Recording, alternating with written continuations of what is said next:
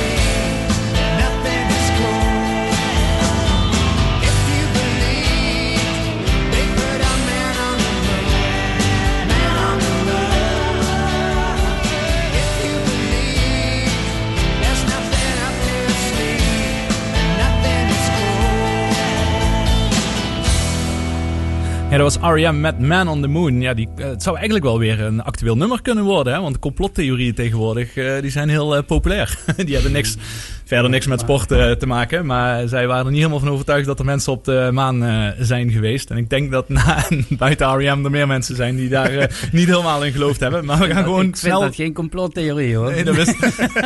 ik weet hoe jij erover denkt, dus daarom kondigt hem ook op deze manier af. Maar we gaan weer snel over sport praten. En dat doen we dus met Sam Kalen. Maar allereerst Sam, ik ben heel erg benieuwd wat jouw achtergrond is. Ja, die komt niet echt in een, een journalistieke opleiding of zo. Totaal niet. Dus... Nee, ja, goed. Ik, ik kom uit Gulpen, uh, 25 uh, jaar oud. En uh, ja, ik, heb gestudeerd, of ben ik, laat ik zo zeggen, ik ben geboren in Maastricht. Ik heb er gestudeerd op de universiteit. maar er was toch iets in me dat zoiets had van, ja, die sportjournalistiek, of überhaupt die journalistiek, dat is wel heel leuk. En toen kwam ik van de een op de ander bij L1 terecht. Ik had eerst zelf al wat, wat vaker bij wijze van hobby voetbalverslagen geschreven. Vooral schrijven dus echt, hè? dus niet, niet radio of tv of zoiets in die richting.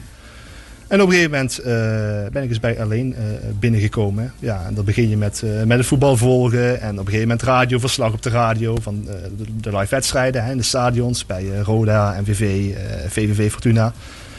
En dat is steeds meer geworden. En sinds een, een dik jaar eigenlijk fulltime bij alleen in dienst. Maar even helemaal terug hè. Ja. de sport.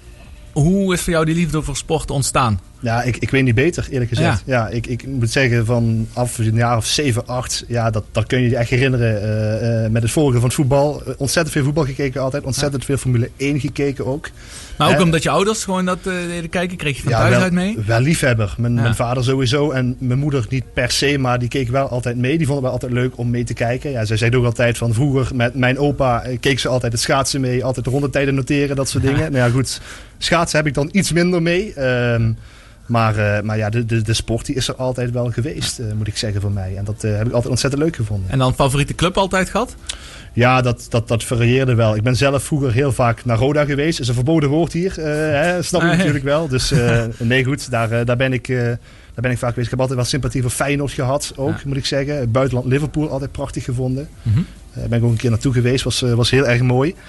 Um, maar ik moet zeggen, vooral sinds ik echt het, het werk voor L1 doe, ja, dan kom je ja. natuurlijk alle sport tegen in de hele provincie. En dan, ja, hoe meer, hoe beter wat dat betreft ja, eigenlijk. En, en Formule 1 hetzelfde verhaal. Dat uh, is natuurlijk met Verstappen heeft dat een vlucht genomen.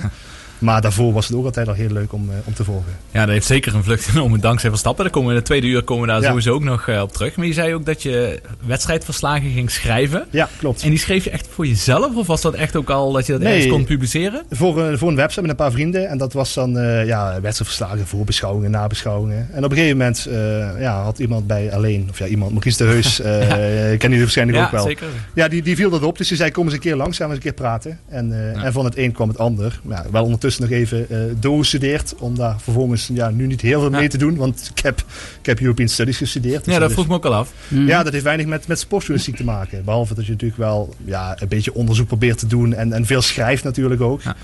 En uh, ja, dan kom je vanzelf ook met tv en radio in aanraking mm -hmm. uiteindelijk. En zelf als sporter, ben je zelf actief ook geweest in bepaalde sporten? Ja, je bent precies goed geweest, nu niet meer. want uh, ik heb er en niet meer de tijd voor en ook niet altijd de zin voor, moet ik zeggen. Uh, ik heb altijd gevoetbald. Uh, niet zo heel gek, want bij mij tegenover in Gulpen, ja, de voetbalclub, die lag aan de overkant van de straat. Dus het was een, een, korte tocht naar het trainingsveld. En ik heb er altijd gekiept. onder de lat ook even verdediger gespeeld, maar meestal gekiept. Ja. En uh, ja, op een gegeven moment werden de weekenden zo druk dat het niet meer te doen was met, uh, met studie en werk. Dus toen heb ik dat uh, toch laten varen. Maar ja, ja, heel lang gekiept. Ik denk een jaar of ja, toch wel 15 of zo. Ja. Oké, okay. ja, want vo ja, voetbal doe je natuurlijk heel veel in. Formule 1 ook, zei je zojuist al. Ja. Welke sporten zijn, hebben jou eigenlijk het meest verrast in de afgelopen periode sinds je echt fulltime met sport bezig bent? Verrast? Ehm, nou, ik heb altijd veel, veel gekeken, moet ik zeggen. Maar het, het ja, en ik moet zeggen, de laatste jaren is het natuurlijk ook helemaal anders dan hoe het zou moeten zijn. Maar ik moet zeggen, vooral met radio, de zaalsporten zijn ontzettend leuk om te volgen. Uh, ik had bijvoorbeeld nog nooit basketbal echt ja. van dichtbij gevolgd. Nou ja, dat heb je in Weert, heb je dat wel bijvoorbeeld. Ja, hè? Uh, dus dat, dat is heel leuk om te zien. Uh, ijshockey heb ik ook een sympathie voor ontwikkeld. Ja, als je ziet hoe dat bij Eaters in Geleen, hoe dat los kan gaan als daar de hal vol zit. Mm -hmm. ja. dat, is, dat is wel even geleden. Dat zal nog wel even duren. Maar ja...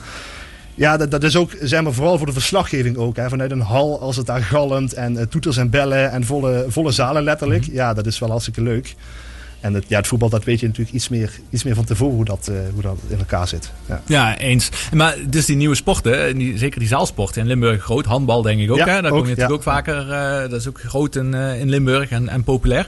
Is dan ook, ehm, als je daar naartoe gaat als verslaggever, maar het is niet direct jouw sport. Nee, niet direct nee. een specialiteit. Is dat dan moeilijk, spannend? Ja, ik moet zeggen, ik, ik doe in dat opzicht ook, ook bijna nooit handbalverslaggeving of zo. Omdat we mensen hebben die het veel beter kunnen dan ik. Hè, die het ook al jaren volgen en de mensen daar kennen. Hè, die daar ook al, al, jaren komen. Sommigen al 10, 20, 30 jaar misschien wel. Hm. Dus uh, daar houden we dan ook wel een beetje, een beetje van weg, moet ik zeggen. Um, daarnaast ook omdat het, het, het, voetbal sloopt zoveel tijd bij mij op. En, en Formule ja. 1 als het bezig is. Uh, maar het is wel leuk om dat te ontdekken. Juist omdat je zo het voetbal gewend bent, met name, zeg maar.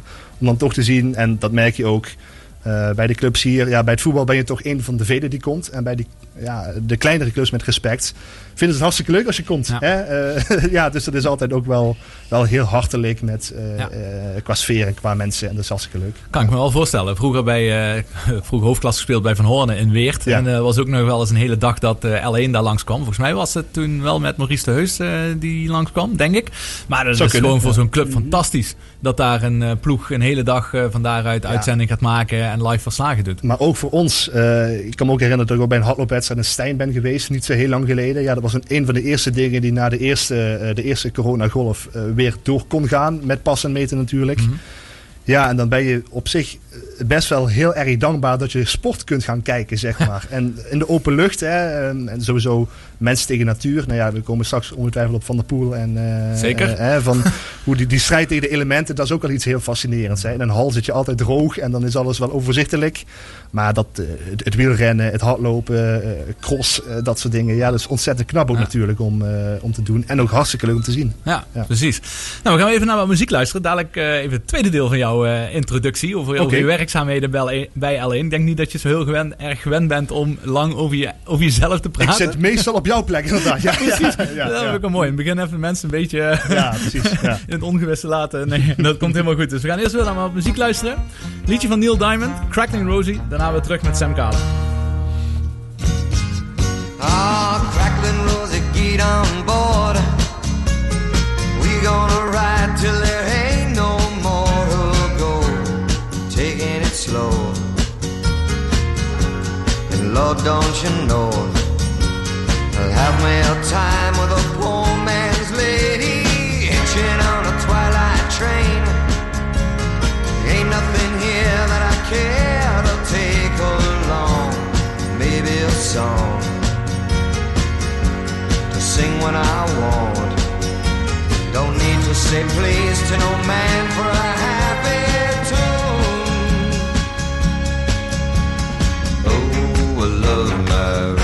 child got the way to make me happy.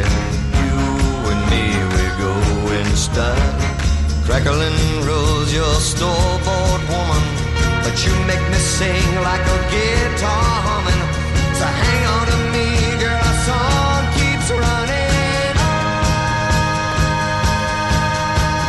Play it now, play it now, play it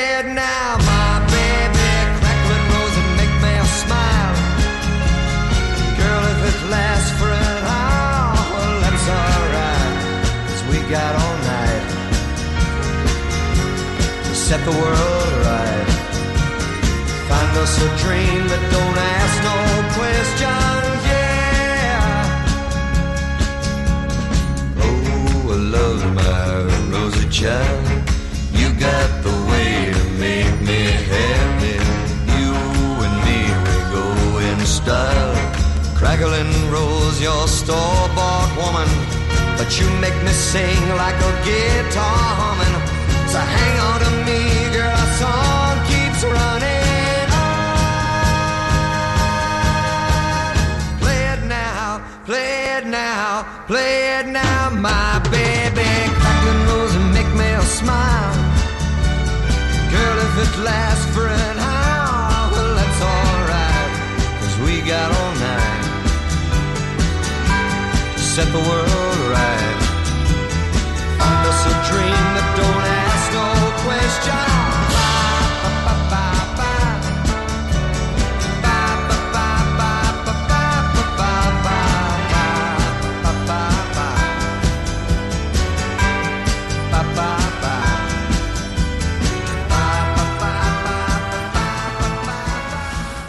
Ja, Neil Diamond met Cracklin Rosie. God, die stopte wel heel erg uh, abrupt in dit systeem. Uh, dat lag, uh, lag niet aan de, aan de vorkjes die we hier deden schuiven. Maar Sam, over L1 gesproken. Ja. Ehm, sport is toch wel een van de belangrijkste onderdelen, denk ik, van de, de regionale zender L1. Ja, onze hoofdredacteur Leo Houber die zegt altijd alleen is cultuurdrager. Ja, en, en iets wat gewoon met cultuur verknocht is, dat is, dat is sport wat mij betreft. En um, het is niet vanzelfsprekend hè, dat, dat zeg maar, een zender vooral op radio uh, sport brengt, uh, regionale zenders. Hè. Er zijn genoeg omroepen die het niet doen. Omroep Brabant doet het niet uh, permanent. bijvoorbeeld, om maar een, een, een, grote speel te noemen. Maar ja, het, zit wel echt in de L1-cultuur, denk ik. Hè. Ik denk dat veel mensen afstemmen op, op onze radiokanaal, omdat ze de sport weten dat die er altijd is, bijvoorbeeld. En ja, er is natuurlijk ook wel genoeg sport te beleven. Je zegt het al, handbal is, is landelijke top hè? hier in, uh, in het zuiden. We hebben ijshockey, we hebben basketbal, we hebben volleybal. Uh, ja, noem er één die we niet hebben in dat opzicht. Dus ja, je komt soms ogen tekort. Dat ja, best interessant. Want als Maastrichtenaar zijnde ja. kijk ik altijd heel jaloers naar Eindhoven bijvoorbeeld. Waar werkelijk alle sporten op het hoogste niveau wordt eh, bedreven. Als je het hebt over hockey, zwemmen, voetbal, tennis, noem het maar op. Ja. Uh, dan heb ik in Maastricht altijd het gevoel dat Maastricht toch niet echt een sportstad is. Maar als je het zo beschrijft, als je het dan weer regionaal bekijkt, vind je dan dat Limburg wel echt goed op de kaart staat betreffende sportregio? Ja, dat, dat denk ik wel. En daar heeft de provincie natuurlijk een tijdje geleden ook wel nodige geld in geïnvesteerd, hè, bijvoorbeeld. Ben we wel met je eens inderdaad. Hè? Want in Maastricht is het dan toch redelijk, ja, redelijk beperkt. Hè? En het komt natuurlijk omdat bijvoorbeeld die sportzone die de provincie toen heeft neergezet, ja, die ligt hè, met Tom Dumoulin Bikepark, die ligt dan in Sittard. Ja. En uh, op het moment dat niet uh, Fortuna maar NVV eh, promoveert twee, drie jaar geleden, ja, dan kan het zo andersom zich voorbewegen. Maar ja, ik bedoel, laten we eerlijk zijn, de afstanden zijn niet zo heel groot in Zuid-Limburg natuurlijk, hè, wat dat betreft. Dus ik, ik denk dat er altijd wel genoeg te zien valt. Ja, oké, dat klopt. Maar inderdaad, meer die vraag die stel ik mezelf wel eens. Hoe het kan dat, uh, ja, hoe, dat, dat Maastricht gewoon... Kan? Ja, ik vind dat heel moeilijk. Ik vind het echt heel moeilijk. Want, ik zou dat niet weten. Eh, nee. Ja, ik bedoel, ik loop mijn hele leven hier al uh, rond. En ik ben natuurlijk groot gedeelte zelf sporter geweest. maar dan had ik zelf in Maastricht ook niks te zoeken. Uh, ik speelde competitie in Weer en ik trainde in Valkenswaard. Dus ik was nooit in de buurt van Maastricht, omdat er gewoon niet zoveel is. En op de een of andere manier denk ik toch dat de cultuur uh, wat meer in Maastricht in het uh, Burgondische zit. En met carnaval wat eraan zit te komen, et cetera. En dat daar toch ook vanuit een, een gemeente gewoon meer aandacht naartoe gaat dan dat het naar de sport gaat. Ja. Omdat er hier misschien in Maastricht al zoveel te doen is. En al zoveel aantrekkingskracht is van toerisme en dergelijke. Dat dat ten koste kan gaan van de sport. Ik wil zeggen, want dat is natuurlijk ook andersom weer jaloers maken voor andere steden. Hè? Want daar identificeren mensen Maastricht dan weer mee. Dus dat, uh, ja. Of dan per se, ja, voor de sportliefhebber is dat dan misschien geen goede zaak, maar in zijn algemeenheid, ja. Uh, ja, ja, precies. Ja. Nee, dat is, dat, is wel, dat is wel interessant. Ja, ik had er ook nooit zo heel erg hard over nagedacht. Geen idee. We hebben nu in de Maastricht eigenlijk nooit een topsportcultuur nou gehad. Hè? Alleen vroeger had je Maastricht bestond uit heel grote maakindustrieën. En daar kon je wel makkelijker aankloppen om een om subsidie of uh, ja. als, als tegenwoordig, tegenwoordig pak MVV. MVV is ook niet in staat om, om echt een grote sponsors nog binnen te trekken. Binnenkort misschien wel. Misschien wel, wie weet. Maar je had vroeger KMP, NC, Sphinx. Ja. Daar waren toch bedrijven die, die behoorlijk uh, ja. sponsorden. Tegelijkertijd, hè, als, als we ja, naar Tom Dumoulin kijken dan. Ja, een, een, een wielrenner zit niet zo verknocht aan zijn stad. Maar het is wel een naar Tom Dumoulin. Zeker. Dus het is wel ik denk als je, uh, als je hem met Verstappen neerzet bijvoorbeeld. Ja, dat zijn wel de twee Limburgse sportboegbeelden die we hebben. Ja, absoluut. In opzicht. Dus dat is wel een stukje Maastrichtse trots. Ja, en Dumoulin wordt ook zeker vereerd in Maastricht. Dat uh, wordt er absoluut niet aan voorbij gegaan. Uh, dat is zeker zo. En maar even weer terug naar L1. Um, ehm, ja, wat, wat, wat kun je een beetje zeggen over, over die werkwijze daar betreffende sport? Qua kanalen, ehm, waar, wat is een stukje visie waar jullie naartoe kunnen? Nou, we, we hebben drie kanalen. Hè, of dat, ja, er zijn drie kanalen. Online, radio en uh, televisie. Ja, het heeft allemaal zijn eigen aanpak. Hè. Onze online eh, berichtgeving die zie je op inlimburg.nl. Ja, dat doen we eigenlijk met dezelfde mensen waarmee we ook tv-producties maken. Uh, proberen, we, we hebben een, soort van verplichting naar onszelf opgelegd dat we iedere dag op tv uh, een sportitem willen hebben in onze actualiteitenuitzending. Dus er moet iedere dag sport zijn, want de sportliefhebber wil iedere dag uh, sport zien. Ik zelf ook. Hè. Al ben ik misschien niet helemaal representatief daarin. Um, en, en daarbij op radio, ja, ook met radio, als je het hebt dan bijvoorbeeld over het voetbal, hè, want dat is continu doorgegaan. Ja, daarvan hebben we keihard gezegd van we willen altijd uh, iedere voetbalwedstrijd, iedere betaald voetbalwedstrijd willen we live brengen. En dat, mm -hmm. en dat doen we ook. Hè. Heel zelden is er een uitzondering dat er minder aandacht is met het LVK bijvoorbeeld. Maar we zijn altijd live bij die wedstrijden. Dat is ook ja, voor mij een van de mooiste dingen die we doen. Hè. Live, live sportradio vanuit het stadion. Dat is, dat is superleuk. Ja, ik denk dat dat mensen ook wel een beetje herkennen in alleen wat dat betreft. Ja, inderdaad. Met dat voetballen. Uh, voor de hele corona-periode, wil je daarmee zeggen dat het toen niet iedere wedstrijd live uh, verslag van werd gedaan? Jawel, ja, moet ik zeggen, ik loop pas een aantal jaar bij L1 rond. Hè, Hoe, hoeveel jaar is het ook weer? Ja, poeh, uh, nou, van in, in het begin freelance zeg maar. En dan ja. deed ik het naast mijn studie, dus er was een aantal uur per week. Ja, dat, dat is denk ik een jaar of drie, half, vier geleden of zo. Ja. En dus eigenlijk sinds anderhalf, bijna twee jaar dat ik fulltime bij L1 okay. bezig ben. Ja. En een jaar fulltime op de sport. Uh, daarvoor deed ik wel sportradio. Maar het uh, laatste jaar krijg ik echt sport in zijn volledigheid mee. Maar sinds ik er zit, hè, dus die afgelopen jaren, is dat van die radio live altijd erbij bij die wedstrijden. Dat is altijd wel geweest. En daarvoor misschien niet per se keihard afgesproken, maar het, het was eigenlijk altijd al zo. Ja. En dat moeten we vooral zo houden, vind ik. Want uh, ja, um, radio, moet ik zeggen, voordat ik bij alleen ging werken, had ik niet per se uh, superveel sympathie voor radio of zo.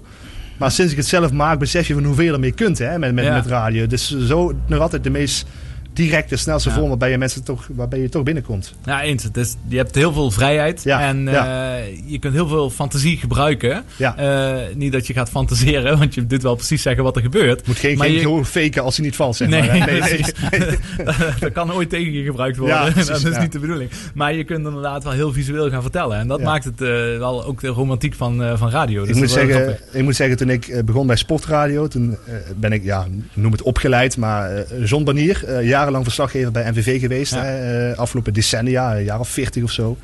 Ja, die heeft mij een beetje aan de hand genomen daarbij. Hè. En die, het eerste wat hij ook zei, die zei niet moeilijk doen, gewoon lullen.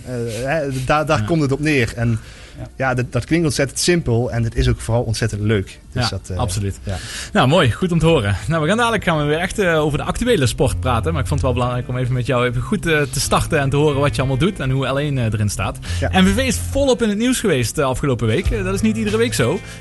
met name de nieuwe structuur van MVV. daar gaan we dadelijk even met bellen met Reginald Al. Want die heeft altijd wel een mening over van alles. En hij weet ook nog veel van MVV. Ja, zeker. Elation. And little girls from Sweden dream of silver screen quotation. And if you want these kind of dreams, it's Californication.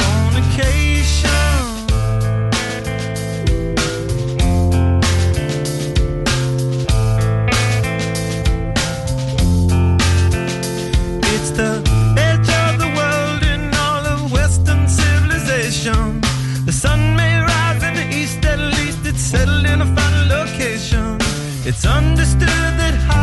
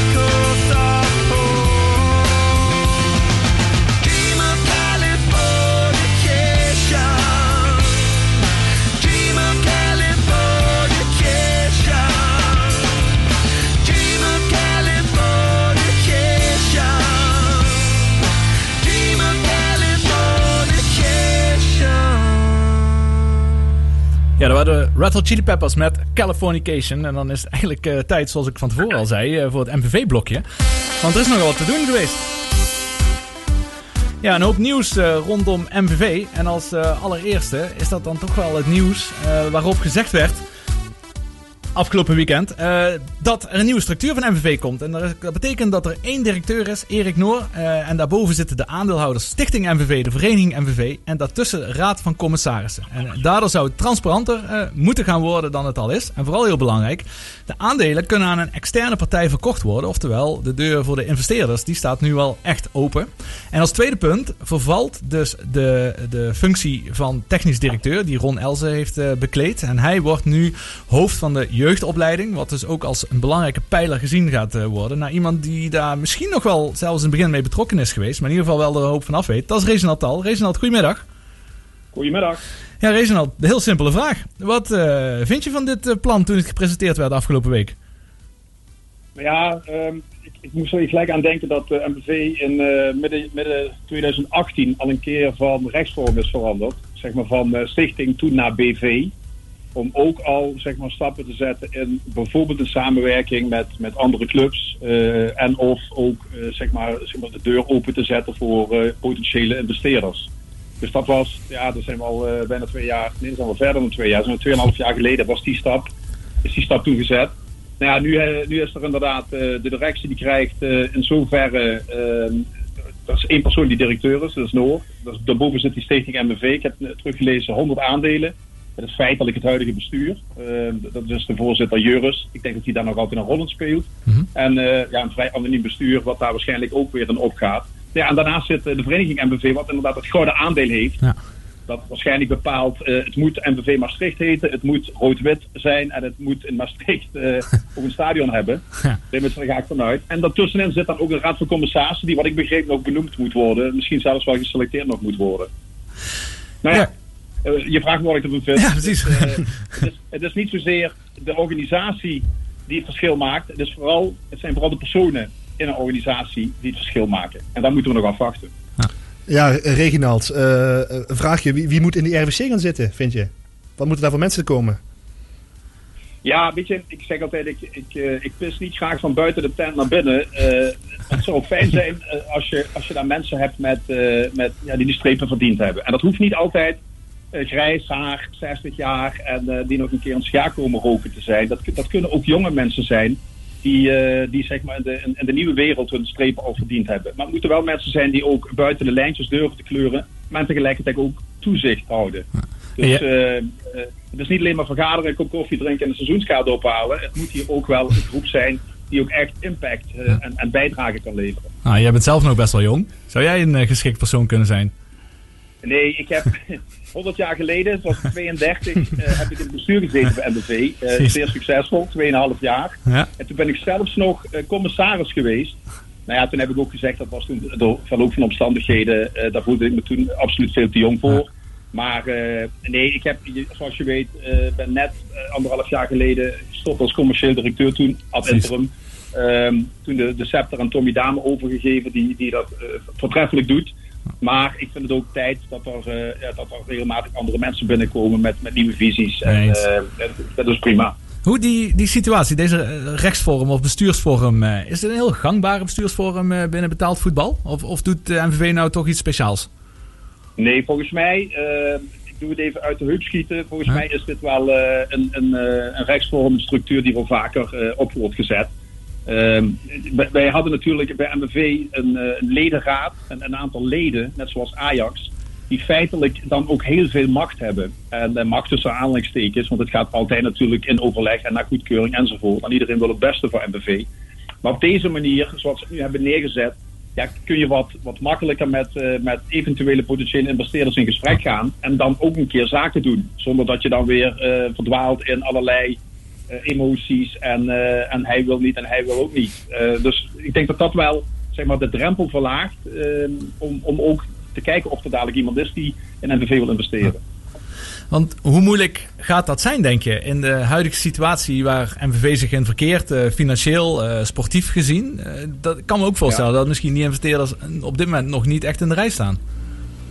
Ja, je moet, ik denk dat je het een beetje zo moet zien. Uh, dit is het ideale moment om een kroeg te kopen. Terwijl er op dit moment de kroegen dicht zijn. Heel goed. En uh, dat, dat, geldt ook voor een aantal voetbalclubs. Uh, kijk maar naar de Eredivisie, waar bijvoorbeeld een Herenveen zelfs geen shirtsponsor heeft. Heb je toch niet over een klein clubje. Veel, veel potentie in het noorden. MVV heeft daar een oplossing voor gevonden met, met, met meerdere sponsoren.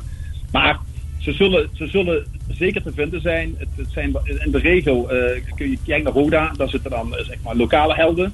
Uh, Fortuna mm -hmm. heeft natuurlijk ex exoten uit, ja. uit Turkije.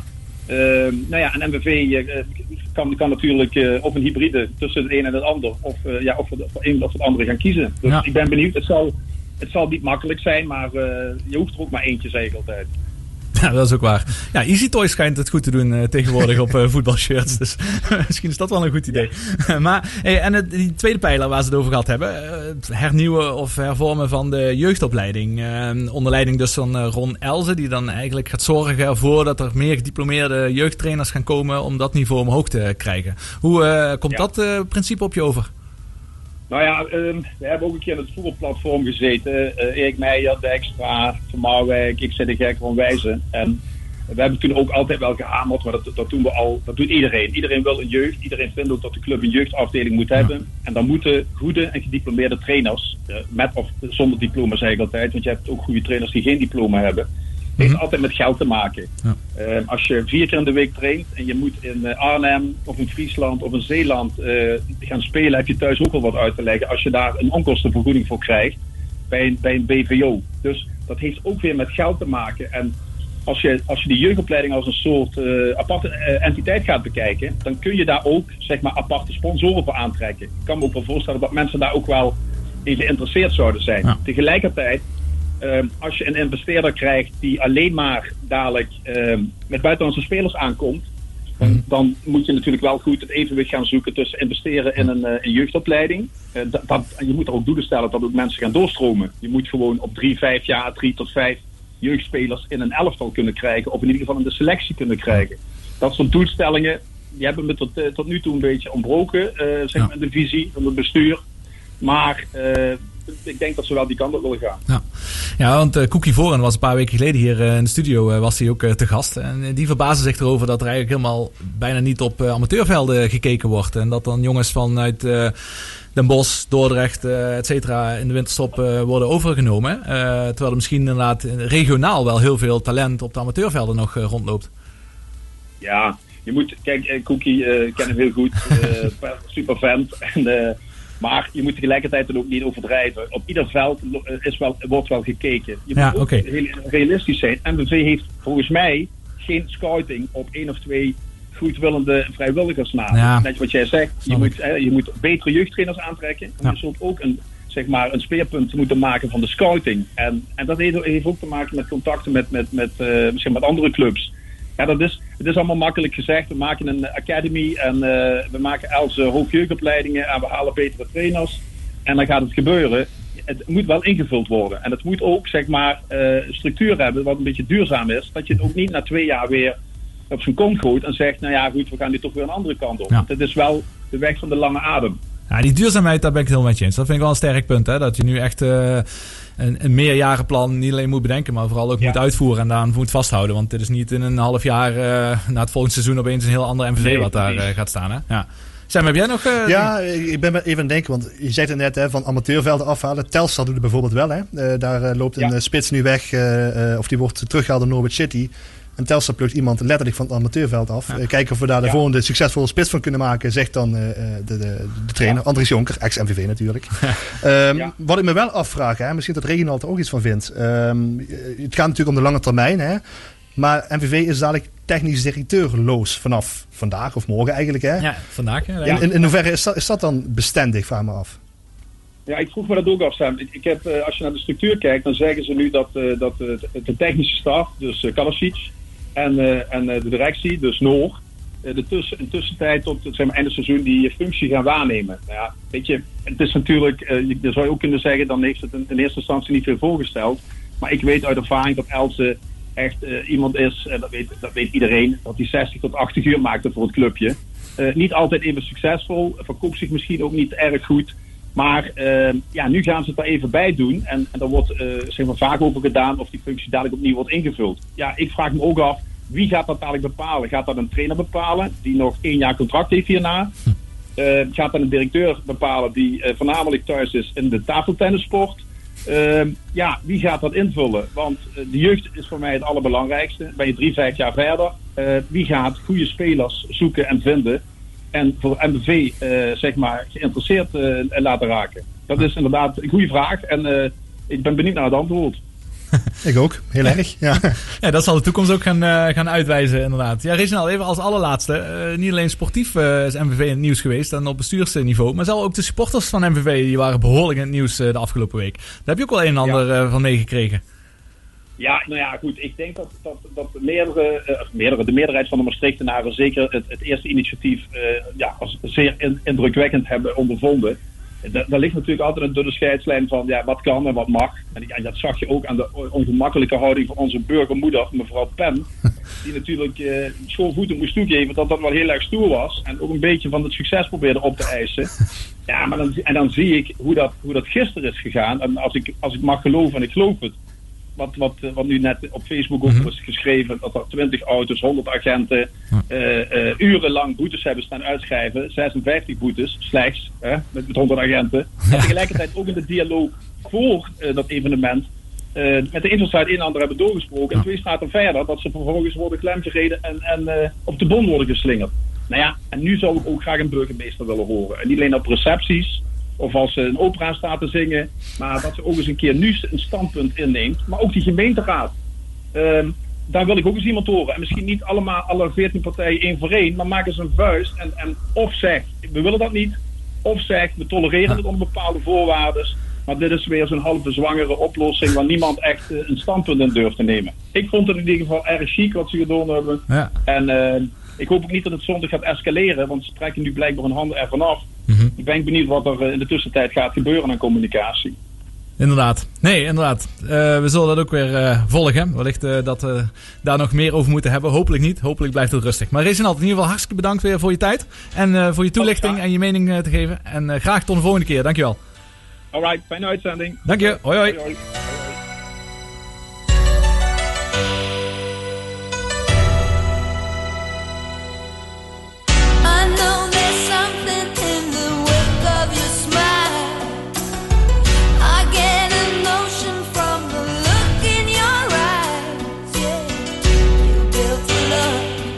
that love falls apart. Your little piece of heaven turns to dust. Listen to your heart.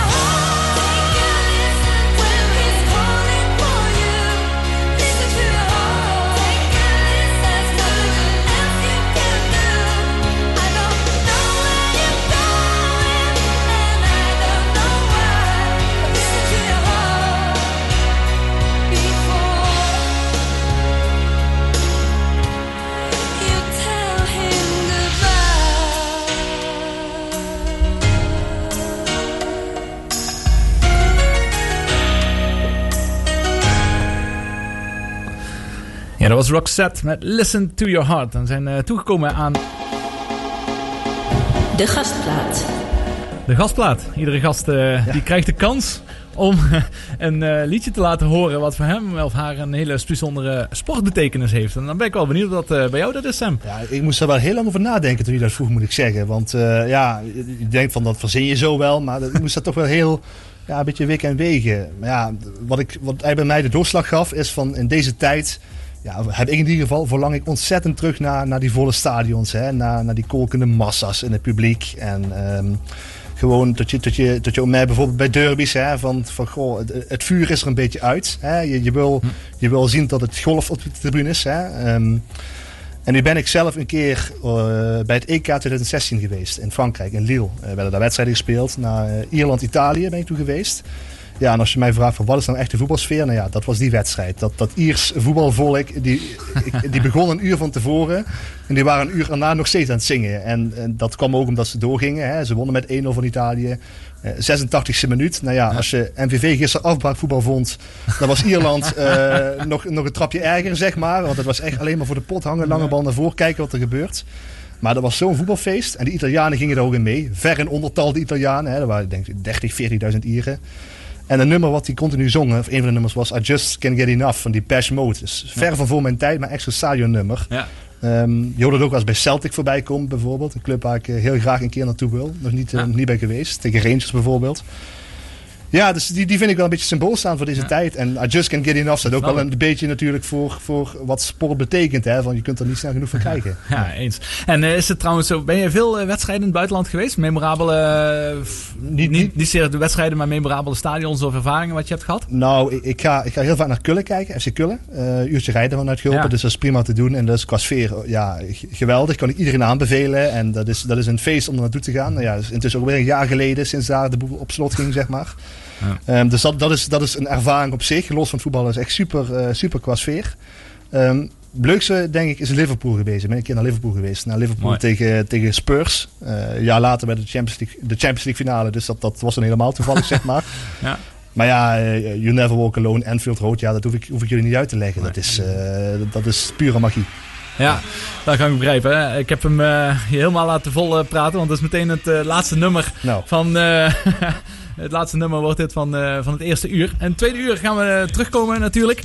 Dan gaan we verder praten met Sam. We hebben weer een uh, stukje over MVV. Een nieuwe aan aanwinst van MVV Sven Blummel. Die gaan we spreken. En natuurlijk nog veel meer sport waar we over kunnen gaan praten. Maar eerst zal Sam al mooi aankondigen. I Just Can't Get Enough van Deepesh Mode. Want dat is wel echt het stadionnummer. Nummer.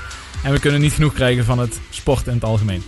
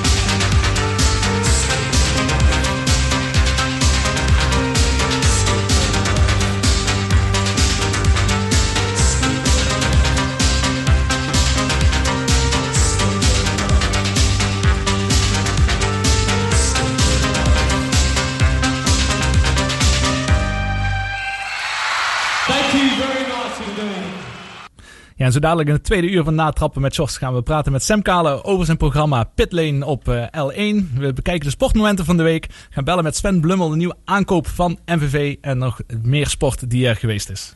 De ster van de stad altijd dichtbij. RTV Maastricht.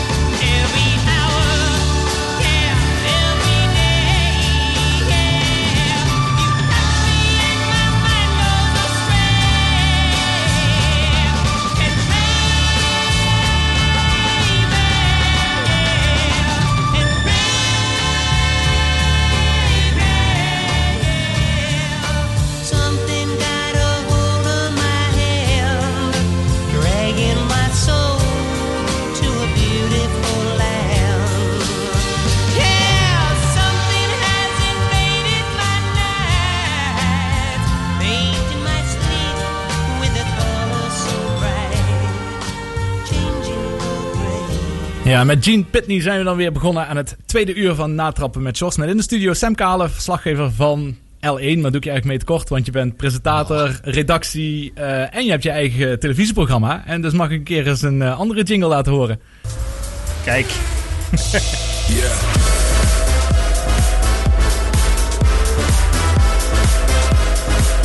Ja, want dat is jouw openingstune van jouw eigen programma Pitlane, wat je samen presenteert met Xavier Maassen. Daar wil ik dan heel even over beginnen. Hoe is het om met Xavier Maassen een programma te maken? Ja, laat ik om te beginnen zeggen dat deze jingle, dat ik daar wel eens baden in het zweet s'nachts wakker van word. Want ja, hij komt wel binnen, zeg maar. Nee, uh, nee het is hartstikke leuk uh, met, uh, met Xavier. Hij is ook te gast geweest hier bij jou, hè, een tijdje, tijdje geleden. En denk ik, Xavier, ja, die, die, die ademt autosport. Hè? Um, en ja, hij, hij is coureur. Ik, ik volg de autosport al heel lang. En ja, Formule 1 is natuurlijk wel hot met, uh, met Verstappen. En ja, we, we bespreken ongeveer alles wat voorbij komt. En hij heeft overal een antwoord op, dus dat is helemaal leuk. Ja. Nou, Xavier, dat is goed om te horen, of niet? Ja, ja, ja, ja, heel goed. Heel over ik nu, ik word nu een beetje stil ervan, moet ik zeggen. Ja, mooi. Ja, Xavier, welkom. ik denk als we het toch over L1 of over Pitlane gaan hebben, dan is het mooiste om eh, jullie allebei even hierover eh, te spreken. Eh, Want eh, heren, vertel eens eh, hoe dit tot stand is gekomen, dit eh, nieuwe programma van L1. Ja, ik, ik zal dan aftrappen in dit Ja, geval, is hè, in plaats van natrappen. Ehm, ja goed, Xavier deed al een tijdje eh, zelf. Ehm had dat jaar, een jaar of drie geleden, drie, vier geleden denk ik, dat hij thuis eh, voorbeschouwingen maakte. Ja, en op een gegeven moment werd Verstappen groter en groter en groter. Eh, en onze sportredactie werd groter. Dus toen hadden we zoiets van, ja, hier, moet, hier moeten we meer aandacht aan gaan besteden. En nou ja, wat ik net zeg, Xavier die zit daar volledig in. En heeft altijd interessante dingen over te vertellen. En ik schreef de verhalen, zeg maar, eh, eh, over de Formule 1. En eh, dit op radio soms dingen bij. Nou ja, 1 en 1 was letterlijk en figuurlijk 2 in dat geval. En eh, toen zaten we samen in de studio. Ja. Want vertel eens, Xavier, want jij werd, een- ik heb jou inderdaad wel vaker eerst eh, ja, analyses zien doen, maar dat was dan vanuit thuis. Ja, klopt. Het is, eh, het is begonnen in de tijd dat eh natuurlijk Verstappen de Formule 1 in kwam. En L1 zei ja, als een, een trotse Limburgers willen we natuurlijk Max Verstappen volgen en steunen. En ik kom daar geen ander wat, eh, wat over vertellen. Dus ik ben begonnen inderdaad met een iPhone en daarna met een da- eh reviews en reviews te maken. En eigenlijk ieder jaar ja, werden de cijfers werden beter. We gingen, iedere winter gingen we kijken wat kunnen we verbeteren, wat kunnen we anders doen. Eh, en zo hebben we iedere keer verbeterd en verbeterd. En eh, ja, daarna kwam nog een idee, ja, moeten we hier met z'n tweeën doen, een beetje interview en, eh, en, een, en, een- en een specialist op het vlak. Zoals je ook veel terugziet eh, online. En zo is eigenlijk langzaam ons programma begonnen. We zaten eerst nog in een klein hoekje ergens boven op een, op een spreekkamer Ja. met een groot televisiescherm waar we zelf op de knopjes waren het duwen voor het volgende, volgende beeld in het scherm te krijgen. En vervolgens zitten we nu gewoon in, in een full, full professional studio Ja. met een hele regie erbij. Eh, dus ja, we zijn eh, in, in de jaren ieder jaar eh, gegroeid en beter geworden. En nu een heel mooi programma. Ja, want die, ja, die vormgeving is hartstikke mooi, zeker. Het programma duurt negen minuten. Ja, je, Sam zei het al, je hebt overal een antwoord op en je weet er alles vanaf. Hoe moeilijk is dat om al je kennis voor de aankomende race in negen minuten te stoppen? Ja, dat is vaak wel keuzes maken. We, we bellen van tevoren altijd vaak en ik vind het heel fijn. Eh, bij Sam heb ik echt iemand, iemand bij L1 die, ja, die op mijn niveau denkt over, over de sport. En we kunnen echt heel goed sparren. Eh, maar het is, ja, het is vaak wel gewoon inderdaad keuzes maken. Wat, wat gaan we wel doen, wat gaan we niet doen? Want je kunt, ja, soms heb je zoveel te bespreken dat je gewoon echt heel duidelijk keuzes moet maken om dingen te laten liggen. Omdat het anders gewoon niet in de negen minuten past. Ja. Ik, ik word er bijna emotioneel van overigens. Hè? het scheelt niet veel. Ik was aan het denken. eh, Nee, nee. eh, bromance eh, bloeit op hier. het klopt wel wat Xavier zegt. En het, het fijne was, denk ik ook voor ons afgelopen jaar, dat die races in die opgekropte kalender elkaar zo snel opvolgden. Ja, dat wij elkaar iedere week op donderdagmiddag tegenkwamen in die studio. Omdat er iedere, week, iedere week alweer een race was. En ze waren ook spectaculair, dus dat gingen we nog een keer nabeschouwen. Eh, waardoor je eigenlijk heel veel kon bespreken ook. Hè? Als je dadelijk hebt dat er twee weken niks is tussen, eh, tussen races, ja, dan moet je inderdaad meer keuzes gaan maken. En wat natuurlijk ook wel is, wat jij net ook zegt, of Xavier zei het geloof ik, van, eh, met die vormgeving. Hè, er zijn ook heel veel mensen die nu achter de schermen ook daarover meedenken hoe je zo'n programma maakt. En ervoor zorgt dat het allemaal gelikt uitziet op het scherm. We zitten in de studio.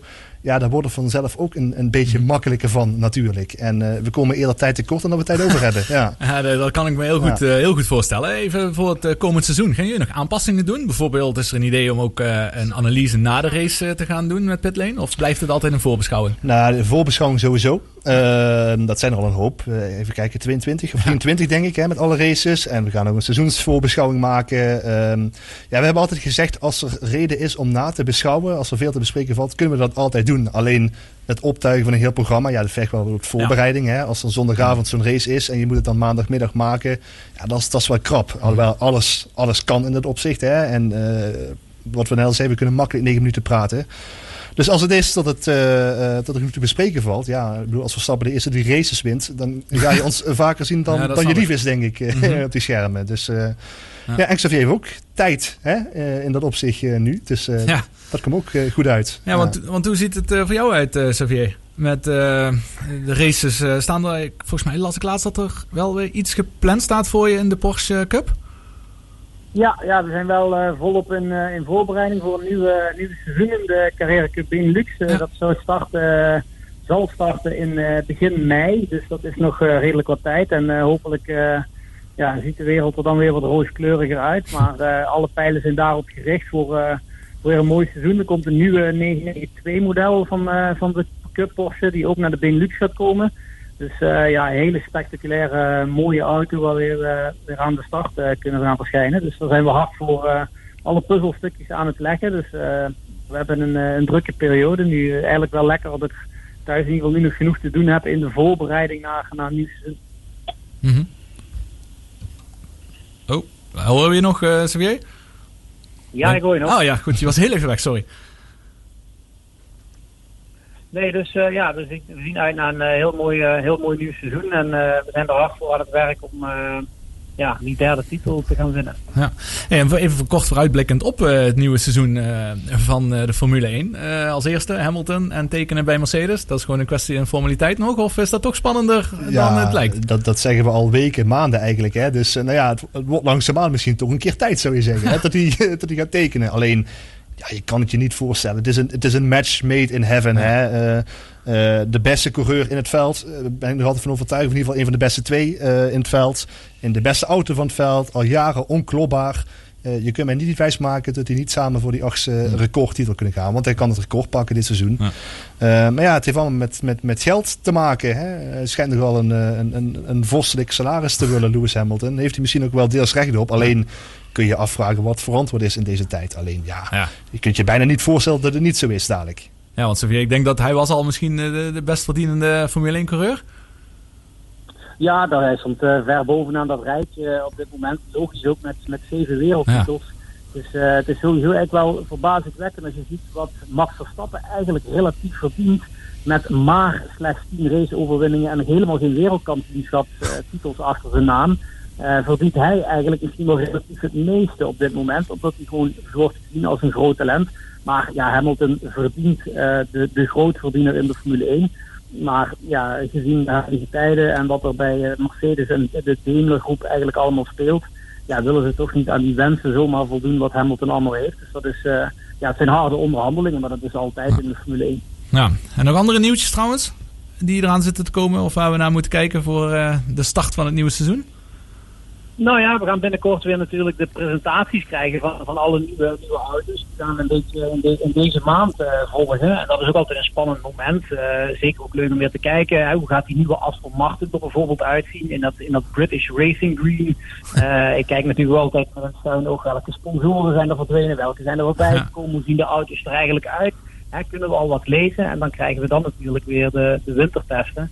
Eh, waarbij we ook al een beetje een beeld kunnen gaan krijgen van eh, hoe het seizoen er gaat uitzien. Ja, inderdaad. En, en de voorpret gewoon, hè? richting Zandvoort bijvoorbeeld. Eh, tw- twee weken achter elkaar, Spa en Zandvoort. Nou ja, dat, dat zou zomaar Ja, een hele ja, memorabele week kunnen gaan worden. Is Ja. wel heel ver weg hoor, daar niet van. ja, maar, precies. eh, ja. ja. virtueel hebben jullie met z'n tweeën het circuit van Zandvoort al eh, goed eh, verkend een paar weken geleden Ja. in ieder geval. Ik, ik heb Xavier er ook zelf rondjes zien rijden. Hield hem netjes op het asfalt, dus dat is allemaal prima goed. geregeld. Ja. Dat kunnen niet alle simracers eh nee, zeggen. nee, en ik ook niet. Nee. Nee, dat is waar. Nou, mooi Xavier. Hey, dankjewel even dat je inbrak eh, bij ons in het radioprogramma. Overigens, ik, ik mis hem wel hoor, Xavier. Hè? We hebben elkaar een tijdje niet meer gezien het, Dus. ja, het, is een beetje een vreemde, vreemde tijd van ons. We moeten een beetje afkicken. En eh, Snap ik.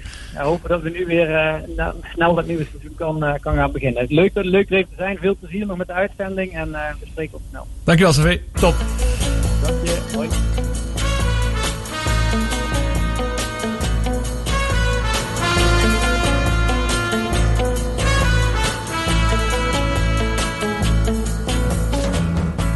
I see that worried look upon your face.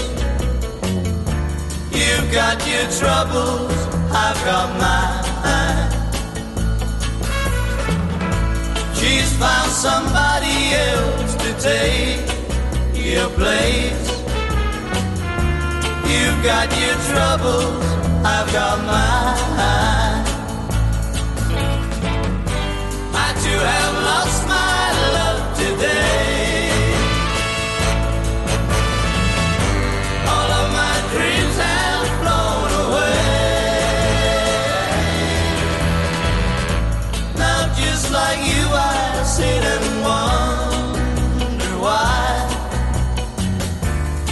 got your troubles, I've got mine. You need some sympathy, well, so do I. You've got your troubles, I've got mine. She used to love me, that I know. And it don't seem so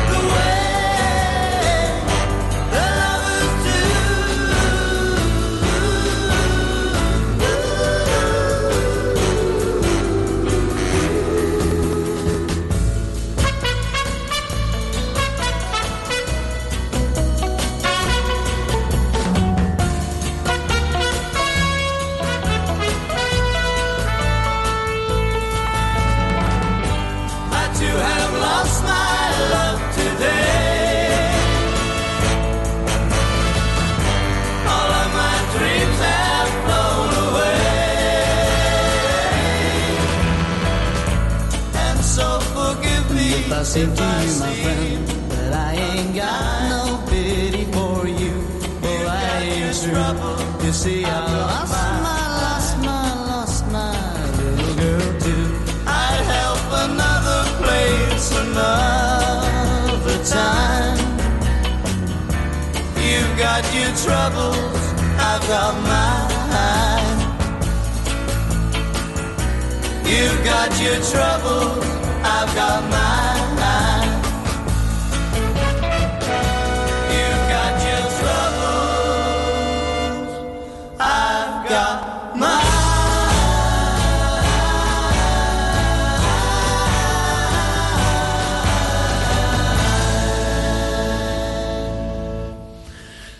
Ja, dat was You've Got Your Troubles, I've Got Mine van The Fortunes. En dan zijn we nu toegekomen aan...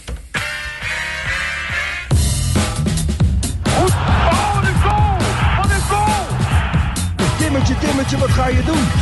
En hij staat! Ik staat! Het is ongekend! Daar gaat hij Ippon en neemt hem over. Goud is er voor Mark Huizinga. Het sportmoment van de week. Ja, de sportmomenten van de week. Enerzijds is dat eh, altijd makkelijk kiezen, anderzijds is het ook wel eh, lastig eh, om dat soms te kiezen. Omdat de voor de hand liggende sportmomenten, die gaan we nog buiten dit item om bespreken. Dus we kijken vooral altijd naar de opvallende en in dit geval van Sam, de lokale sportmomenten. Want Sam mag als eerste, maar dan heb ik, eerst heb ik daar wel even een klein fragmentje bij. Ja, Strooien. Strooien, Strooien met een goede, oh wat een fantastische goal! Past eigenlijk niet meer in het beeld van deze wedstrijd, maar het is een fantastische goal. Strooien. Ja, dat valt eigenlijk wel een beetje samen wie uh, Juri Schooij is. Ja, ja, dat zegt dat wel. Uh, uit, het niks, hè. Ja. Uh, ze, ze, ze, kennen hem uit iedere hoek, uit iedere stand, bij wijze van spreken. Bij iedere stand ook. Ja, uh, ja ik vond het wel, wel een momentje. Hè. Het moet nog altijd officieel rondkomen.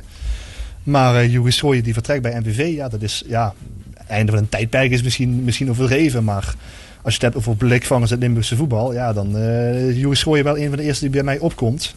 4,5 jaar MVV, ontzettend veel gescoord, ontzettend veel assist. Um, iedere twee wedstrijden ongeveer bij een goal of assist ja. betrokken. Um, het meest opvallende feitje wat, wat ik me zo van hem herinner is in de derbies, hoe hij daar altijd uh, uh, excelleerde. Ik, tot dit seizoen, volgens mij bij de laatste zeven MVV-goals tegen Roda dan, uh, dan betrokken. En ja, iemand die hierbij, die ja, door supporters op handen wordt gedragen. Je merkt ook, iedereen gunt hem ook, hè, die transfer ja. nu naar, naar Griekenland. Hè, um, ja, dus ik vond het wel, uh, wel een opvallend moment, inderdaad. Ja. Absoluut. Uh, precies ook wat je zegt. Als je reacties op Facebook ziet, nou, ik kijk altijd wel eens ja. naar wat reacties. Uh, misschien moet ik dat soms niet doen, maar wat je op de posts van MVV daaronder ziet. Meestal is het niet veel positiefs wat daar komen. Maar nee. inderdaad, wat je zegt, bijzonder dat, dat Juris Gooien zegt. of, ja, het is ja. wel duidelijk dat hij gaat vertrekken. Eer, eerlijk gezegd, ja, het lijkt me wel super mooi om naar Griekenland te verkassen, want daar lijkt hij naartoe te gaan. Hè, naar, naar Xanthi in, in Griekenland kan hem ook wel de eredivisie gegund wat dat betreft. Ja, want, uh, precies. Ik moet zeggen, ja, ook als het dan een beetje op mezelf betrekt, als ik dan naar die wedstrijden van MVV ga. Uh, je ziet wedstrijden bijvoorbeeld tegen de Graafschap, waar, waar uh, MVV in de verdrukking zit. Ja, er is niks nodig. Jurie Schooij schiet hem in de kruising. Ja, ja, het is iemand die ja, nou, bijna zelfs een leeg stadion in vervoering kan brengen. Ja, ja want hij doet de gekste dingen. En prachtige goals. Heel veel gescoord dit seizoen. Misschien wel zijn beste seizoen tot nu toe. En uh, ja, MVV gaat er wel merken, denk ik. Ja, maar dat is dan meteen inderdaad de vraag. Misschien dat jij daar enigszins uh, kijk op hebt. Uh, ja. Inderdaad, hij gaat naar een, een, volgens mij een tweede divisieclub Klopt, in ja. Griekenland. Die heel graag wel weer naar het hoogste niveau wil gaan. Want die hebben er jarenlang gespeeld. En zijn daar nu uit zijn gedegradeerd. En willen heel graag weer terugkomen. Dus met een versterker zoals onder andere Joey Schooien. Volgens mij komt hij nog wel een bekende tegen daar. Derre Werker. Ja, ook. inderdaad. Um, maar zou er geen vraag geweest zijn vanuit een eredivisieclub? Of wilde hij gewoon heel graag een keer naar het buitenland? Ja, goed. Uh, het is voor hem de eerste keer in zijn carrière. Hij is hij bij uh, Fortuna geweest, MVV, VVV ook. heel kort bij Go Ahead Eagles. Ja, dan kan ik me voorstellen dat je een keer het, het avontuur wil opzoeken. Uh, het is ongetwijfeld ook, ook lucratief. Hij zal daar meer gaan verdienen dan bij MVV. Um, ja, ja ik, ik, ik weet het niet. Het is natuurlijk, technische directeuren zeggen wel van het is ontzettend lastig als je nu een speler wil verkopen. Nou ja, MVV wilde misschien Schooien niet per se verkopen, maar het was de laatste kans om ja. iets aan hem te gaan verdienen. Het contract liep af. Ja. En die technische directeuren zeggen allemaal van ja, het is in deze tijd veel moeilijker om een speler verkocht te krijgen dan om eentje te halen. Want er zijn weinig clubs die een transfersom neerleggen. Dus dan moet je het misschien ver van huis gaan zoeken. Uh, een tijdje geleden uh, had ik een interview met, uh, met Nick Kuipers, uh, voormalig verdediger ja. van MVV. Ja, die zit in Indonesië ja, nu. Ja, Paradijsvoetballen. Van, ja, fantastisch als je dat hoort, wat daar, wat daar allemaal kan. En ja, ja, het is wel iets totaal anders. En ja, je gunt het Jury Ja. ook wel in dat opzicht. Toch? Absoluut. Ja, nee, Ja. zeker. Ja. Eh, ik bedoel, ik ben de laatste die het eh, tegen zou spreken. Maar ook wat je zegt, eh, de harde kern van MVV eh, die overal op reageert, die eh, gunnen het hem ook allemaal. Want laten we eerlijk zijn, hij is gewoon MVV wat dat betreft ontstegen. Op, dit, op dit moment. Maar precies, maar wat je zegt over Eredivisie dan bijvoorbeeld. Hè, ja, eh, bij de RKC's en de VVV's van, eh, van deze wereld had hij ook wel meegekund hoor, denk ik wel. Ja. Ja, had hij, had hij Ja. zeker toegevoegde waarde kunnen zijn. Want eh, zelfs als je ja, vaak genoeg gehad als je denkt van waar, waar is hij? En dan zit je te zoeken naar dat, naar dat shirt met nummer 11. En daar is hij dan. En dan ligt die bal in de kruising. Ja, ja, ja dat had dat misschien wel gekund. Alleen ja, welke club kan, kan daar een transfersom eh, som voor neerleggen? Is ook zo. Nou, in ieder geval naar binnen trekken en hem eh, in de lange hoek in de kruising schuiven. Korte hoek, we- lange hoek, van Ja, afstand. Maar, alles. Dat klopt, die gaan we helaas eh, missen. Ehm, we hebben wel nog een ander eh, fenomeen in, eh, in Limburg rondlopen. hè. En dat is eh Philip eigenlijk zijn, zijn sportmoment van de afgelopen week. Dat is ook hier een fragmentje. Oh, Jakumakis! Oh! Deze man is een fenomeen. Ja, dat is ook niks aan gelogen, hè, Philip. Nee, absoluut niet. Eh, wat me opviel, zoals hij zijn doelpunten maakt, vooral zijn, zijn kopgoals. Hij is heel bewust. Hij Ja. loopt naar de bal toe. Hij staat niet te wachten tot die bal komt. Hij loopt naar de bal toe en hij kopt die bal precies waar hij hem wil hebben. Dit is, eh, en ik heb dit weekend nog eens gekeken naar anderen. Die krijgen die bal op hun hoofd en dan hopen maar dat hij ergens eh, Ja. goed terecht komt. Maar hij doet het, al die drie kopgolen, maakt hij die volledig bewust. Het, het gekke is eigenlijk dat hij volgens mij tot deze week amper kopgoals gemaakt had. Ja. ja. bij Mhm. Vitesse weten ze intussen ja. wat beter. Ja. En bij Fortuna ook. Ja, ook hoe die, die, die bal binnenprikt met zijn, eh, met zijn voet eh, bij Fortuna. Dat is zo'n knappe spitsengoal is dat. Ja, hij heeft gewoon een goede spitse trainer. Hè? Frank de Moege is, eh Ja, is zijn spitse zei trainer hij. bij VVV. En eh, ja, die zei ook, het enige wat ik met hem doe is hem vooral eh, laten afwerken. Die bal tegen het net aanrammen. eh, vertrouwen kweken. Ja, die krijgt er ook wel terecht de credits voor, denk ik. Ja, precies. Maar Philip, eh, bij VVV zijn ze wat dat betreft niet onbekend met een sterspeler te hebben. Als ik even terugkijk naar Honda, Japaner, dat was toen ook een sensatie in de, Ja, in de. Eredivisie. En Ja. eh, daar lijkt het nu Mhm. alsof ze weer een nieuwe hebben gevonden. Toch, toch ook knap, hè? dat het niet op één, bij één keer blijft. Geen idee of dat knap is, want ik heb gelezen vandaag, of waar is, weet ik niet, eh, van Waterreus tot, tot, tot Valks, eh, die jongen gescout heeft in een café. Met een halve liter bier en een klein eh, schermpje, want tot hij niet het stadion in mocht. Dus of dat dan knap is. Moet hij misschien vaker doen dan, Ja, die inderdaad, dat zal eerder toeval zijn, neem ik aan. Als, en die wedstrijd waar standvallig gekeken heeft, werd 0-0. Dus Ja, het zal eerder toeval zijn. ja je moet soms ook wel wat geluk hebben. Ja, goed, ze, ze hebben wel gedurfd erin te investeren. Hè. Hij is niet Mhm. gratis gekomen. Nee. Dus eh, ja, dat, dat is dan wel uiteindelijk de afweging die je maakt. Of je nou per toeval komt of niet. Ja, ik vind, vind het erg knap. Want ik kan me eerlijk gezegd niet herinneren. Nu kijk ik nog niet zo super lang voetbal natuurlijk. Hè, maar ik, ik kan me niet herinneren dat ik op de Limburgse velden iemand heb gezien die zo makkelijk scoorde in de Eredivisie. Mhm, klopt. Ja, bedoel, het is niet Onbekend. Ja. Ja, Niet van niks koploper eh, in ieder geval in de stand om Ja, loop- topscorer op dit moment. Loop voor op de Koen Dille-index, zeggen ze dan. Hè? Ja. Ja, die statistiek die kwam afgelopen weekend ook weer een keer voorbij. Maar Koen Dil heeft wel heel veel gescoord in het laatste gedeelte. En eh, als we straks misschien nog even hebben over de wedstrijd tegen Fortuna. Het gaat hem wel een stuk lastiger gemaakt worden. Als je veel goals maakt, dan weet je ook dat je harder wordt aangepakt. Dus dat, eh, daar kunnen we straks misschien nog wel even over hebben. Ja, mijn sportmoment komt ook uit het voetbal. Er is toch veel voetbal geweest. En eigenlijk was dat vandaag vooral in het nieuws. Ik weet niet of iedereen goed Spaans spreekt. Maar Ronald Koeman in ieder geval wel. Si es alguien dentro club, yo creo que es, es muy mal. Nou, muy mal is ongeveer het enige woord wat ik eh, hieruit eh, haal. Maar dat betekent dat het heel slecht is. En dat heeft alles te maken eh, natuurlijk met wat vandaag gelekt is. Het salaris van Lionel Messi. Ja, en dat gaat toch over een schokkende 555 miljoen euro in eh, vier jaar. Dat betekent om het even in perspectief te plaatsen. Dat is 138 miljoen euro per jaar is dat. Dat is ongeveer evenveel zoals de totale begroting van PSV en Feyenoord bij elkaar. Dat is iedere dag een nieuwe Audi A RS6 Avant te kopen ter waarde van 190.000. Oftewel, je kunt ieder uur een nieuwe 85-inch 8K televisie van 8, vij- 8500 euro kopen. Of je kunt ieder uur 9 nieuwe iPhones kopen.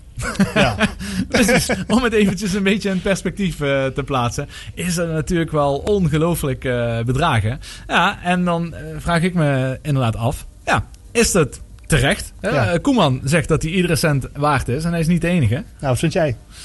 Ik vind het wel heel veel geld.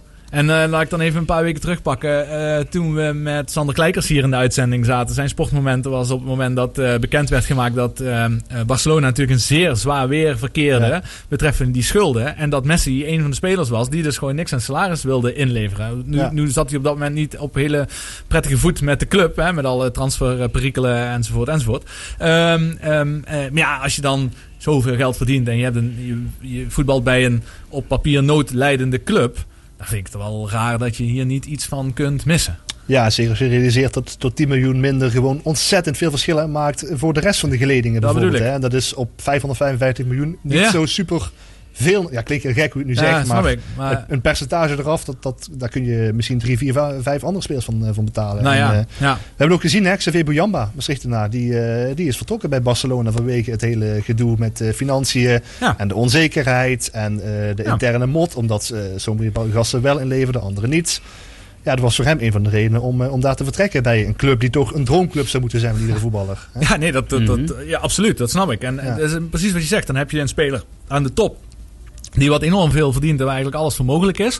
Maar je hebt natuurlijk een heel brede selectie nodig. En die jongens wat onderin zitten. En die misschien toch kunnen uitgroeien naar een hele goede vaste waarde binnen Barcelona. En uiteindelijk ook voor veel geld verkocht kunnen gaan worden. Die worden hier misschien ook de dupe van. Eh, omdat die dan niet blijven of naar andere clubs gaan. Ja. Dus misschien op lange termijn. En zeker eh, gezien het feit dat Messi zijn contract ook aan het aflopen is. En wie weet gaat hij weg. Ja, er is wel wat voor te zeggen om het, eh, om het toch anders aan te pakken. Ja, het kan Messi zegt dan van eh, als je gaat kijken hoeveel hij de club oplevert, is Ja. dat het drievoudige. Hè? Eens. Ja. En dat is wat. Koeman ook zegt. Hij is iedere cent waard. Dus die discussie is niet. Maar goed, de discussie in eerste instantie is dat het natuurlijk schandalig is dat dit gelekt is. Ja. Na een krant. En dat er juridische stappen gaan eh, volgen. Nee, als laatste wat ik hierover wil zeggen is Ronald Koeman. Ik vind het toch interessant. Hè? Ik ben, zou hem zo graag weer een keer spreken. Ik heb hem twee keer geïnterviewd tijdens Mm. KLM Open Radio. Dat doet hij altijd mee in de Pro-M eh, op voorhand. Heb ik hem twee keer eh, daar geïnterviewd. En dan is hij super relaxed. Was hij nog bondscoach van het Nederlands elftal. En toen ging het hartstikke goed.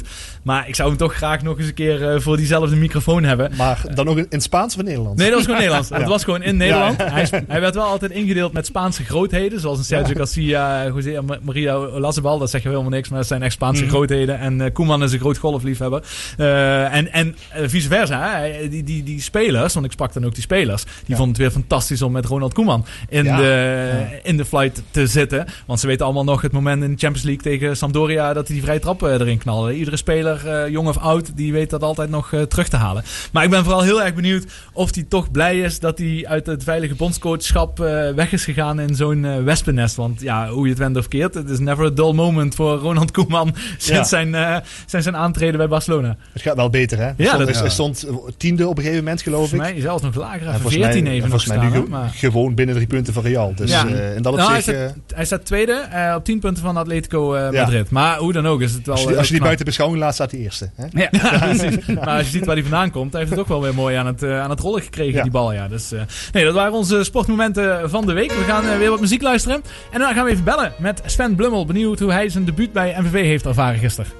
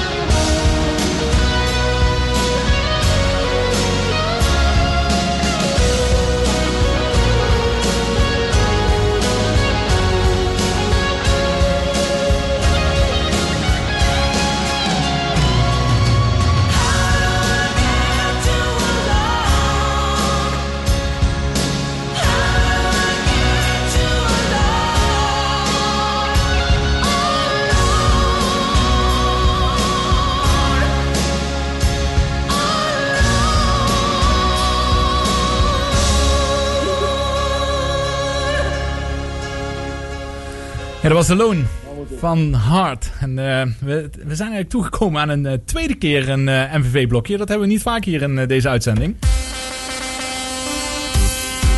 Dus dan doen we gewoon weer dezelfde jingle. Maar er was zoveel nieuws rondom eh, MVV. We hebben het eerste uur natuurlijk al over gehad over de nieuwe structuur eh, binnen MVV met Reginald Tal. Maar ook op eh, een hoop transfernieuws. Logisch ook tegen het einde van de transferperiode. En een nieuwe aanwinst van MVV die vorige week gepresenteerd werd. Dat is Sven Blummel, oorspronkelijk uit Schijndel. Opleiding genoten bij PSV en toen via Den Bosch in Denemarken terug naar de Graafschap. En nu eh kerstverse MVV'er die gisteren zijn debuut meteen kon maken tegen Cambuur. Sven, goedemiddag. Hey, goedemiddag. Nou, leuk dat je even mogen spreken. En eh, ja, welkom bij de club natuurlijk. Ja, dankjewel. Ja, ik ben natuurlijk eh, heel erg blij mee om eh, voor deze mooie club te spelen. Natuurlijk altijd al vaak tegen gespeeld en ja, nu speel ik er zelf. Dus ja, ik ben eh, blij dat het allemaal nog eh, gelukt is aan het einde van de transferperiode. Ja, nou laten we even beginnen met eh gisteren. De lange busreis naar Cambuur Leeuwarden. Die vanuit Maastricht net wat langer is dan vanuit de Graafschap. Een klein beetje maar. maar hoe, is je, hoe is je debuut geweest? Hoe, hoe was het om de eerste keer voor MVV te spelen? Ja, natuurlijk heel leuk om bij MV natuurlijk te gaan spelen. Eh, ja, twee keer getraind en meteen in de basis. En, ja, daar ben ik natuurlijk al voor gekomen. ja, was natuurlijk wel een lastige wedstrijd. Meteen uit eh, tegen nummer 1 Cambuur. Ehm, ik denk wel dat we als team eh, ja, redelijk wat goed hebben gedaan. Eh, vooral in het verdedigend opzicht. Ja, heel erg goed dichtgehouden. Het kwam weer heel erg lastig gemaakt. En zelf hebben we nog wel een aantal kansen gehad, nog via mij. En helaas mocht je in ieder geval en valt hij toch aan de andere kant. Ja, ja precies. Wel een beetje dubieuze... wel, Ja, een beetje dubieuze goals natuurlijk die eh Cambuur eh, maakte. twee keer buitenspel. Een beetje, beetje kun je weghalen, was gewoon twee keer bij de spel. Ja, was twee keer buitenspel Ja. inderdaad. Eh, Het moet wel zijn dat ja, Cambuur natuurlijk wel het betere van het spel had. Eh, jij zelf had daarna een mooie actie in 57 minuut. Trok mooi naar binnen, een lange hoek geschoten. Die eh er dan net niet ingaat. Maar wat ik me afvroeg. eh, kijk, je bent gewend om voor de Graafschap te spelen. Bovenin, aanvallende ploeg. En je ziet nu MVV, zeker tegen de topteams zoals Cambuur, heel compact en heel verdedigend ingesteld. Dat zal wel een grote omschakeling voor je zijn. Ja, natuurlijk wel iets anders eh, dan je gewend bent. Eh, ja, want het eerst kan er komen natuurlijk. Maar ja, als je uit naar de nummer 1 speelt en ja, de vorige thuiswedstrijd, ja, daar hebben we het maar niet over. Maar ja, die was eh, ja, erg vervelend natuurlijk. Ja, dan hou je het nu extra dicht. En ja, vanuit daar hebben we toch nog wel in de counter wel kans gehad. En ook daarin ben ik wel vaak gevaarlijk. Dus op zich ja, lag het me zo ook wel goed. Maar ik denk ook met de, met de spelers die we hebben dat we het aanvallend ook nog ploeg heel lastig kunnen maken. Dus ja, het ligt maar net aan de wedstrijd en aan de tegenstander denk ik eh, hoe, je, hoe je het invult. Nou, dat heeft MVV tegen eh, Volendam voornamelijk, voornamelijk eh, bewezen uit de overwinning. Eh, dat was een beetje dezelfde tactiek zoals tegen Cambuur. En bijna, ja, het ging toch eh, behoorlijk goed. Waar, waar ik wel benieuwd naar ben, hè, Sven. Want eh, andere jaren, andere seizoenen, als je dan zeg maar in de hoofdmacht bij de Graafschap dus bijvoorbeeld, hè, eh, niet veel speelminuten krijgt, dan kun je vaak je wedstrijden met de belofte spelen. Dat, dat kan nu niet, hè, gezien de coronamaatregelen. Hoezeer hangt het dan erin als je dan eh, bij MVV meteen voor de leber wordt gegooid? Ja, maar ik was altijd wel wel uh, wedstrijd fit en ik was ook heel gretig om eindelijk weer ja, vanaf de basis te starten. Ja, vanaf bij de graafschap dan niet, niet gelukt. En nu bij, de, bij MVV natuurlijk de kans gekregen om het wel te doen. En ja, meteen sta maar ja, ik ben een jongen die niet echt snel last heeft van uh, spanningen. Of, ja, ik keek juist heel erg naar uit en extra gebrand om aan mezelf te laten zien. En ik ben blij dat het in ieder geval al zo snel kon. En uh, ja, ik kijk eruit nog naar veel meer uh, mooie wedstrijden. Ja, want bij Manchester United heb je het nummer 7, hè, wat, wat Cantona en Best en Ronaldo en Beckham hadden. Nummer 11 bij MVV zijn ook grote schoenen om te vullen. Hebben ze, dat, hebben ze je dat verteld? Ja, ik heb het gehoord. Ja, ja, jullie schoon natuurlijk al wel ja. ja. goed gedaan bij jullie. ja, heeft nu een mooie transfer te pakken. Ja, wat hem natuurlijk ook heel erg gegund is. En, ja, ik heb vaak tegen hem gespeeld, dus toen ik hem voor het eerst zag, uh, ja, wel een leuk gesprek gehad. Uh, denk ik wel een half uurtje met elkaar gepraat. En ja, toen zei hij al dat hij wegging. En uh, ja, natuurlijk is het jammer voor, voor de ploeg. Maar ja, wat ik al zei, voor hemzelf is het natuurlijk ja. een mooie stap die hij deze leeftijd nog kan maken. En ja, nu moet ik denk ik voor de doelpunten gaan zorgen. ja, nou ja, nee, wat dat betreft heeft Sam helemaal gelijk. Hè? Maar is het ook echt, voelt het ook een beetje echt als je als vervanger van Joris Gooien bent binnengekomen? Uh, nee, dat niet per se. Uh, ik heb gewoon een goed gesprek gehad met de trainer. Ja. Uh, de ploeg volgde hem al een tijdje. Ze hebben al eerder interesse in mij getoond. En nu kan ze weer en dat spreekt, ja, spreekt natuurlijk heel veel vertrouwen uit. En mm -hmm. ja, ik wil ook graag voor MV spelen. En ja, al was gebleven dan hadden we alsnog mooi samen kunnen spelen. Alleen ja, nu is hij weg en ben ik er nog gewoon. Dus daar heeft het niet van afgehangen in ieder geval. Dus wat dat betreft ben ik gewoon heel blij dat ik er ja, gewoon op, op tijd nog was. Ja, want um, wat verwacht je eigenlijk nog de komende periode? Ja, eigenlijk vandaag is de laatste dag van de transportperiode, als ik het, als ik het goed heb. Uh, maar als je gisteren ook kijkt, even ook wat op de bank zit. Je hebt natuurlijk een hele smalle selectie op dit moment. En vooral weinig aanvallers. Hè? Want op de bank zaten vooral uh, keepers, verdedigers en een middenvelder. Um, hoe, hoe, zie je dat zelf? Nou ja, ik denk dat we nog best wel een grote selectie hebben. Ja, ondanks dat natuurlijk veel jongens ook weg zijn en ook geblesseerd zijn. Nou, ik denk dat de jongens terugkomen die geblesseerd zijn, dat we ja, nog grote groep hebben. En ja, ook de wissels hebben gisteren uitstekend hun best gedaan, wat ik uh, ook heb gezien en gehoord. Dus ja, natuurlijk uh, weinig aanvallers, maar uh, ja, ik hoop dat ik zo snel mogelijk zelf fit ben om 9 minuten te spelen. En gisteren heb ik nog wel lang volgehouden, maar nee, ja, iedereen doet stinkend zijn best en iedereen geeft altijd 100%. En ja, ik denk dat het daar ook om gaat en dat je zo ook wedstrijden gaat winnen, ongeacht hoeveel spelers je hebt. Ja. Vind je trouwens even kijken naar de komende twee wedstrijden? Want je spelen zaterdag speel je thuis tegen NEC, uh, nummer 4 als ik het goed heb. En de week ja. daarna speel je tegen jou de club uh, de Graafschap uit. Die staan nummer 3. Is het juist voor jou ja. prettig om binnen te komen en meteen tegen twee topploegen te spelen? Of uh, had je liever even tegen, laten we zeggen, de Dordrecht of de Top Os gespeeld? Nee, voor mij persoonlijk maakt het niet uit. Eh, het is natuurlijk leuk dat je meteen eh, ja, tegen een paar topploegen speelt. Ehm, ja, omdat ik nu net als uh, de ben eh, wel nog een beetje het wedstrijdritme zoeken qua conditie. Maar eh wat ik al zei, al wel eh, ja, goed lang vol kan houden. En ja, deze wedstrijd dat doet uiteindelijk ook allemaal voor. Hè, tegen een Cambuur, eh ja, maar ook de Graafschap NEC. Het zijn natuurlijk goede ploegen. En eh, ja, hopelijk kunnen we daar gewoon eh, de resultaten uh, tegen halen. En eh, ja, dus mij maakt het echt eh, niet uit tegen welke ploeg ik eh, speel. Hoeveel goals, Sven, dit seizoen? Ja, ik heb gisteren ook een interview gehad eh, met die vraag. Eh, ik hoop eh, ja, tussen de 6 en 8 wedstrijden, als ik, wat ik al zei, alles fit ben en, en ga spelen, dan ja, tussen de 6 en 8 goals zou heel erg mooi zijn. Was dat voor L1, eh, dat interview dan? Dat was bij E- ESPN gisteren. Ah, oké. Ja. is goed. Maar deze, dan zeg ik het nou hier ook in ieder geval, eh, dat ze niet onderstreven. Ja, natuurlijk hoop ik het weer te maken, maar Ja, ik, eh, uiteraard. ben best bescheiden, bescheiden dus ik hou het Heel eh, goed. 6 of 8. Nou, mooi Sven. Nou, dankjewel. Nogmaals welkom in Maastricht. Ik hoop ook eh, niet alleen dat je geniet bij MVV, maar ook van onze mooie stad. eh, dat je daar heel erg eh, thuis eh, gaat voelen. En eh, nou, hopelijk eh, mogen we je in de toekomst vaker spreken. Ja, dankjewel. Dat gaat zeker gebeuren. Ja, en ja, Maastricht is altijd natuurlijk al eens ooit geweest. eh, natuurlijk een mooie grote stad. En het stadion eh, natuurlijk ook heel erg groot. Dus ja, jammer dat we de sports daar niet, eh, nu kunnen zitten. En eh, ja, dat ik ze echt vanaf het veld kan zien. Maar eh, dat gaat hopelijk snel komen. En eh, Zeker. het is een hoop van het weekend sports wat ik heb gezien en gehoord. Dus Ja. hopelijk zie ik ze snel. En eh, Da- ja, dankjewel Sven en eh, heel veel suc- succes. ja, dankjewel. Spreek elkaar. Hoi, hoi. Hoi, hoi.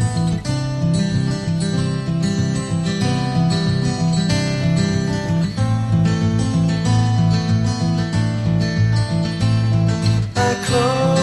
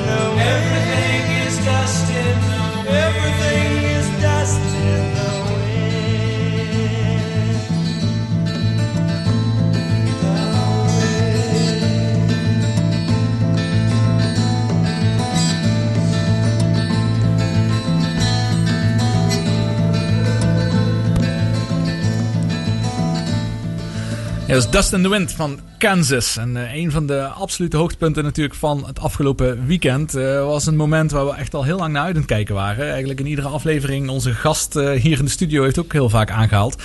En dat was natuurlijk dat duel tussen eh, Wout van, eh, Mathieu eh, van der Poel en Wout van Aert. En gisteren was het dan eindelijk zover dat er om de WK-titel werd gestreden. Nou, iedereen weet denk ik ondertussen wel dat Van der Poel heeft gewonnen. Maar dat ging niet zo als een jaar daarvoor, waar hij even startte en na één ronde al een paar minuten voorlag en die voorsprong nooit meer uit handen heeft gegeven. Hier kwam er wat meer. En in het begin was het toch echt wel voor Van Aert, diegene die als eh, sterkst uit startblokken kwam. En dat kwam onder andere door dit moment. Oh, Tot- van oh, oh, oh, Mathieu. oh, oh, oh, dit is cruciaal. Ja, Ronde ja. 2, Mathieu van der Poel. Zoals we hem zelden zien, over de kop. Ja, Filip, jij hebt ook eh, gekeken gisteren. Ja. wat dacht je toen hij hier over de kop ging? Ik denk, die moet snel opstaan. Ja, dat snap ik. Maar dacht je toen maar- van dit is einde, einde wedstrijd? Nee, Nee? dit was de tweede ronde. En eh, het komt wel vaker voor in, in het veldrijden dat eh diegene uit de tweede ligt vrij snel eh, weer bijkomt. Dus ik was niet depressief meteen. Ja, nee. Wat, wat, wat- wat wel opviel is, is de manier waarop je zijn fiets weer opraapte. Dat ging ook niet, Niet echt, soepel, hè? niet echt soepel, nee. Ik had het gevoel alsof hij stijf van de spanning stond. Zo, toen hij zijn fiets opraapte wel. Ja, maar Ja. sowieso in het begin, want hij werd de Mhm. eerste passage op het strand, werd hij meteen al eigenlijk op achterstand gereden, zat hij niet in het goede spoor, hij had het moeilijk. Hij had het echt heel moeilijk in het begin. En nadat hij gevallen was, ja, toen, toen vond ik het heel moeilijk. Dan had ik wel echt een eh, gevoel van, nou, dit zou zomaar de dag van Van Aert eh, kunnen gaan worden. Maar ja, toen even een ronde later, zoals je zei, kwam hij al heel snel terug. Mhm. En dat had ook wel een reden waarom hij, waarom hij zo snel terugkwam. Dat, eh, waar zijn eh, voordeel ligt. En nou, laat hem staan. Het is, eh, oh, een lekker band voor Wout van Aert voor. Oh, Ja, want Wout van Aert die reed lek. En Mathieu van der Poel, die wisselde van fiets. En ik denk dat het ook heel slim is eh, geweest. Maar hoe heb je, wat, wat denk je daarbij? Hoe bepalend is dit bijvoorbeeld, dit moment in de race geweest? Ik vind het sowieso wel knap dat je lekker kunt rijden op het strand. Hè? maar, Schelp misschien, hè? Zo, Schelp, ja. schelp misschien. maar ja, zelfs op dat ogenblik was er weinig, weinig te zeggen van hoe het ging aflopen. En dus zelfs eh, wat Van Aert zelf zei, op een gegeven moment eh, zag ik het niet meer zitten. Ja, zijn moed zakte in de schoenen. En, en eh, toen gaf hij een beetje op. Ja, als dat in je hoofd komt zitten bij deze sport. Ja. Misschien is dat wel het geluk geweest hè, voor Van der Poel. Dat hij zeg maar, dat hem dat zo vroeg overkwam. Ja. Was dat ja, later ja. in de race eh, Ja. gebeurd. En je zit al in de verzuring en je moet er nog een keer mentaal terugkomen. Ja, dat klopt. Ik denk dat het heel mentaal is inderdaad. Dus Ja. laten we zeggen, ze zijn even sterk. Eh toch? Ja. Ze zijn ja. even sterk. Er zit nauwelijks iets tussen. Eh, Dat laten ze op de weg zien, maar ook in het veld rijden. Ehm, eh, maar op het moment dat, dat die dus niet inderdaad lekker rijdt, wat je, wat, wat je terecht zegt, eh, Sam. eh, en het is ronde 5 en Van der Poel, en het verschil is nog steeds een 20, 15 seconden Ja. in het voordeel van Van Aert. Dan gaat het wel in je hoofd zitten. Ja. ja, van de andere kant, als iemand in een slotfase kan terugkomen, is het ook wel Van der Poel. Hebben we Ja. gezien die Amsterdam Gold Race vorig jaar. Hè? Ja. Maar eh, twee jaar geleden bijna intussen alweer. eh, Mhm. ja. Ja, precies. Dat gaat heel snel. Eh, dus ik denk ook wel eh, die fietswissel van Van der Poel, eh, dat was ook goed. Misschien, ik heb daar niks meer over gelezen of gehoord. Of hij minder bandenspanning had, ook in eh, die nieuwe fiets wat hij pakte. Want eh, vanaf dat moment op die nieuwe fiets zag je hem werkelijk door die bochten zoveel beter en zoveel zekerder eh, sturen. En ook op het strand. Eigenlijk ieder moment eh, was, was raak. Dat klopt wel, ja. ja. Dat ja, vind ik ook bijzonder dat dat eh, ten opzichte van het eerste deel van de race en het tweede deel van de race, was twee keer was eigenlijk een verschillende Mathieu van der Poel. Maar ook, Eerste half uur en tweede half uur. maar ook technisch gezien vind ik het Ja. knap. Als je eerst door het water rijdt, dan door het zand. En, en technisch blijft je fiets gewoon optimaal. Dat, is, eh, Ja. Dat krijg ik niet klaar. Nee, en, en dan die hoge brug met een eh, Mhm. stijgingspercentage van 21%. Een momentje wat ik ook wel bijzonder vond, is dat zijn pedaal losschoot halverwege. Mhm. Probeer jij maar eens vanuit stilstand op 21% stijging. dan gewoon weer even opnieuw omhoog eh, te, te Maar, maar te los, van, trappen. los van hoe het gisteren afloopt, het is er sowieso prachtig dat we deze Ja, twee mannen ja. tegenover elkaar hebben. ja, hè. dus. het is er echt gewoon gemaakt om tegen elkaar op te Ja. boksen, die Ja, twee. Prachtig om te zien. Prachtige sport met die twee Ja. om te kijken. Ja. Inderdaad. Dus dat was eh, gisteren echt, echt het genot, vond ik, om, eh, om een uur eh, naar te kijken. is ook wel Mhm. lekker trouwens, hè, dat het een uur is. En- Ja. ja. is geen etappe van vijf, zes uur lang. waar je misschien het laatste uur graag zou willen zien. Geen, het- kastelen tussendoor en dat soort dingen. Nee. nee, nee. Nee, nee, precies. Dus dat was wel heel, heel erg kort. Dus dat was absoluut een mooi, mooi moment gisteren. Ja, we schakelen even meteen door naar Sam. Omdat we langzaam alweer tegen het einde aan het lopen zijn. Ik wil nog wel even met je hebben over het voetbal in Limburg op dit moment. Je komt Ja. natuurlijk in alle stadions. Eh, als eerste, hoe, hoe is het om op dit moment in al die stadions te komen? Ja, ik, ik prijs me daar gelukkig mee, zeg maar. Ja. Want dat kan. Want eh, nou ja, ik, ik ga zelf altijd heel graag naar het voetballen kijken. Wat ik zei in Duitsland, hè, bij, bij Kullen bijvoorbeeld-. Ehm, dus ja, dat, dat, dat vind ik wel heel fijn. Maar ik kan me voorstellen, heel veel mensen die ook normaal iedere week of iedere twee weken in het stadion zitten. Ja, dat mis je, dat mis je enorm in deze tijd. Ik kan me heel goed voorstellen. Ehm, ja, en wat ik dus straks ook al zei, die radio die blijft super leuk. Maar je mist het wel. Mhm. hè. Het, het is, het is wel anders. Het is niet dat je denkt van ja, dan maar zo. Nou ja, dan moet je wel denken, hè, want het is ook iets waartoe het voetbal doorgaat. Maar ja, er, er wordt wel heel veel ziel uit de sport gerukt op deze Nee, manier. tuurlijk. Ja. gelukkig gaat het door en is er genoeg op televisie te zien. Hoe vind je dat de Limburgse clubs in het algemeen het doen op het moment? Nou ja, goed. ehm, als je gaat kijken naar een paar maanden geleden, zag het er een stuk somberder uit. Voor allemaal. Ja. Hè? Eh, toen stond. MVV eh, heel eventjes laatste in de keukenkampioen divisie. Roda zat in een enorme vormdip. Ehm, VVV en Fortuna bungelden ook op of onder de degradatiestreep. Nou ja, als je nu in de Eredivisie een top 5 opmaakt van de prestaties in dit kalenderjaar, dus de afgelopen weken. Ja, dan staan VVV en Fortuna in de top 5. Eh, Roda wint wedstrijden. MVV zie je de vooruitgang in. Hè. Dan zie je ook van dat er ook gericht wordt, eh weliswaar spelers vertrekken, maar ook jongens komen waarmee ze vooruit kunnen kijken. Je ziet jongens uit de eigen jeugd die steeds beter gaan doen. Ik vind, als je kijkt, hè, ik bedoel, ze stonden gisteren eh, dan heel eventjes rechts buiten en links buiten eh, Zegers en Last eh, bij MVV. Maar je ziet wel dat die jongens steeds stabieler worden en dat ze, dat ze, dat ze groeien. En dat, dat is natuurlijk ook wel, als je zegt van ja, we hebben niet per se een sportieve ambitie dit jaar, dan is dat wel het minste wat je kunt verwachten en wat MVV ook goed doet. Ja. En, eh, ja, en, en, en VVV en Fortuna hebben zich eh, binnen Ja. een paar weken zo goed als veilig gespeeld. Dus ja, kijk, Fortuna staat nu 11e eh, met 25 punten. VVV Ja. was gisteren eigenlijk was een soort 6 punten wedstrijd wat ze speelden. Of eergisteren was het al, eh, denk ik. Ja. Eh, VVV staat nu 14e, 22 punten. 14e klinkt natuurlijk een beetje penibel. Maar op eh, Willem II, die 16e staat en die op de plek voor de na-competitie staat, is het gat natuurlijk best al, eh, ja, best al behoorlijk. eh, met, eh, met 9 punten op dit moment. Ja. Ehm, dat ziet er inderdaad goed uit. Wat ik meest bijzondere vind van de Limburgse clubs is Fortuna. Wat is daar in vredesnaam gebeurd eh, sinds Sjors Ulte daar aan het roer staat? Ja, ja goed. ehm, we wisten al dat het een, een goede trainer was. Hè? Of dat, dat beeld had je al van, eh van Ulte. Ehm, ik denk wel dat hij ook wel enigszins geholpen is door het feit, of ja, geholpen. ehm, de eerste maanden bij Fortuna waren misschien wel begrijpelijk lastig omdat het competitieschema scheef is. Hè? Omdat eh, de topclubs tegen de mindere goden in de eerste maanden spelen. Hè? dus Ja. die directe duels tegen die, tussen die staarploegen, of de ploegen in het rechterrijtje, die kwamen nu allemaal. Hè? December, januari, komende maanden ook nog. Ja, dat zijn wel de wedstrijden waarin je moet doen als Fortuna zijnde. Ja, dat gebeurt. Daarnaast heel veel nieuwe spelers gehaald in de zomer. Ja, die hebben even tijd nodig. Ja, je, je ziet ook Rienstra, die speelt vijf keer beter dan dat hij speelde in de eerste maanden van het seizoen. Het is wel logisch dat het langzaamaan allemaal een beetje op zijn plaats valt. En ik denk wel, wa- wat ze bij Fortuna zeggen in ieder geval... Is begonnen met iedereen te confronteren met de fouten die gemaakt werden van tevoren. Nou ja, dat gebeurde blijkbaar van tevoren niet onder, Hof, onder Hofland. Ja, als je daarmee de vinger op de zere plek legt. Het, het klinkt, komt op mij redelijk simpel over, maar blijkbaar maakt het toch een verschil. Dus dat is misschien ook wel de hand van de trainer. Ja, dat is wel grappig, want als je dan een Kalasic bij MVV ziet, dan denk je van Ja. nou, dat is iemand die met harde hand kan eh, regeren. Ik kan Ja. me voorstellen dat daar wel eens kan donderen in de kleedlokalen. Maar als je dan Sjors Ulte dan eh, ziet, denk je dat is een goed zak eh, zelf. Ja, en nu verandert dat beeld de laatste weken ook wel een beetje. Want ik zie hem ook wel heel veel richting scheidsrechters uitvliegen de laatste weken, uh, Ulte. Uh, Kalasic ook overigens. Ja. eh, sowieso, kijk, het beeld komt misschien ook omdat je meer hoort nu in de stadions. Ja. hè, dat die trainers wel heel veel bezig zijn met ja, allerlei rondverschijnselen of scheidsrechters. Nou ja, in het geval van MVV volledig terecht. eh, tegen Cambuur dan Ja, bijvoorbeeld. oké. Ehm, ik denk wel dat MVV Callis ook wel een hele goede trainer heeft hoor. Het is wel een man die, die een visie heeft en die ook continu uitstraalt, ook naar de mensen om zich heen. Ook verwacht wel dat iedereen daarin meegaat. Dat is dan misschien ook het lastige voor de rest van een organisatie dan. Mhm. Maar er is wel iemand die bij onze club zich wel zijn stempel heeft gedrukt. Ja. En dat ook bij MVV aan het doen is, Ja. denk ik. Nu zo'n laatste dag van de deadlines. eh, zit VVV dan nog eh, met de billen bij elkaar eh, geknepen? Of gaat daar gewoon niks meer gebeuren met een uh, Jakumakis? Nou ja, ze roepen heel hard van hij gaat niet weg. Ehm, nu kan het ook tactiek zijn natuurlijk. Hè. Zo van, nou kom maar met een heel, heel hoog bod als je hem nog wilt wegkapen. Ja. Ik zou het nooit doen. Ik zou hem nooit verkopen. Nee. Want ik, ik krijg niet de indruk dat deze jongen gaat, gaat stoppen met scoren dit Nee. En dan maakt er nog maar vijf of zes. Kom je nog altijd rond de 30 uit. Nou ja, dan ga je hem altijd voor miljoenen bedrag verkopen aan het einde van het seizoen. En alleen een garantie voor handhaving als je hem houdt. Ehm, Dus in dat opzicht En VVV heeft ook uh, Evel Intos nog uh, verkocht vandaag uh, aan een club uit de Emiraten. Nou ja, dat zal ook niet van appel en ei zijn geweest. Dus dat zijn goede landen om aan te verkopen. Ik denk niet dat ze financieel nodig hebben, laat ik nee. het zo zeggen. Nou, dus dat, zeker met die Eredivisieclubs ziet er inderdaad terecht positief uit. Um, als laatste ja, uh, Super January uh, werd uh, ja. genoemd. Hè, waar de topclubs dan eindelijk tegen elkaar gingen spelen allemaal.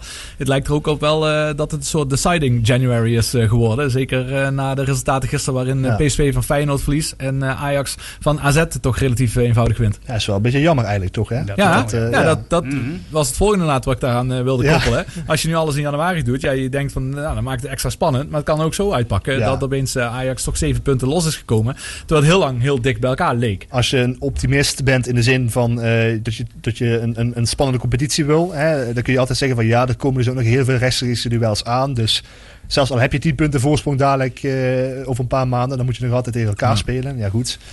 Ik denk wel dat Ajax zonder uh, superieur te voetballen wel even heeft laten zien ja, wie dan toch uiteindelijk de baas is. En ja. dat is dan misschien jammer voor de competitie. Het is misschien wel ergens te begrijpen, want PSV mist veel mensen. Feyenoord loopt gewoon qua budget gewoon echt wel een stukje erachter. En Vitesse kreeg met Giacomakis te maken. Hè? Dus uh, ja, ja, in dat opzicht is het misschien toch een soort van natuurlijke selectie die zich heeft uh, voltrokken de afgelopen weken. Dat is absoluut waar. Ja, ja, zeker. Nee, dat is mooi om daar uh, mee af te sluiten. Want we zijn ongelooflijk alweer heel snel aan het einde gekomen. We zitten al in, de laatste, in de laatste minuut. Sam, ik wil je hartstikke bedanken dat je hier te gast wilde zijn. Ja, ik jullie ook. Want ik vond het hartstikke leuk. Mooi. Dus, nou, als goed u weet kunnen we in de toekomst nog een keer, als er weer wat nieuws gebeurd is en alles verschoven is in een volgend seizoen met de clubs weer over het voetbal horen. Want ja, jij zit er bovenop en je zit in de stadions.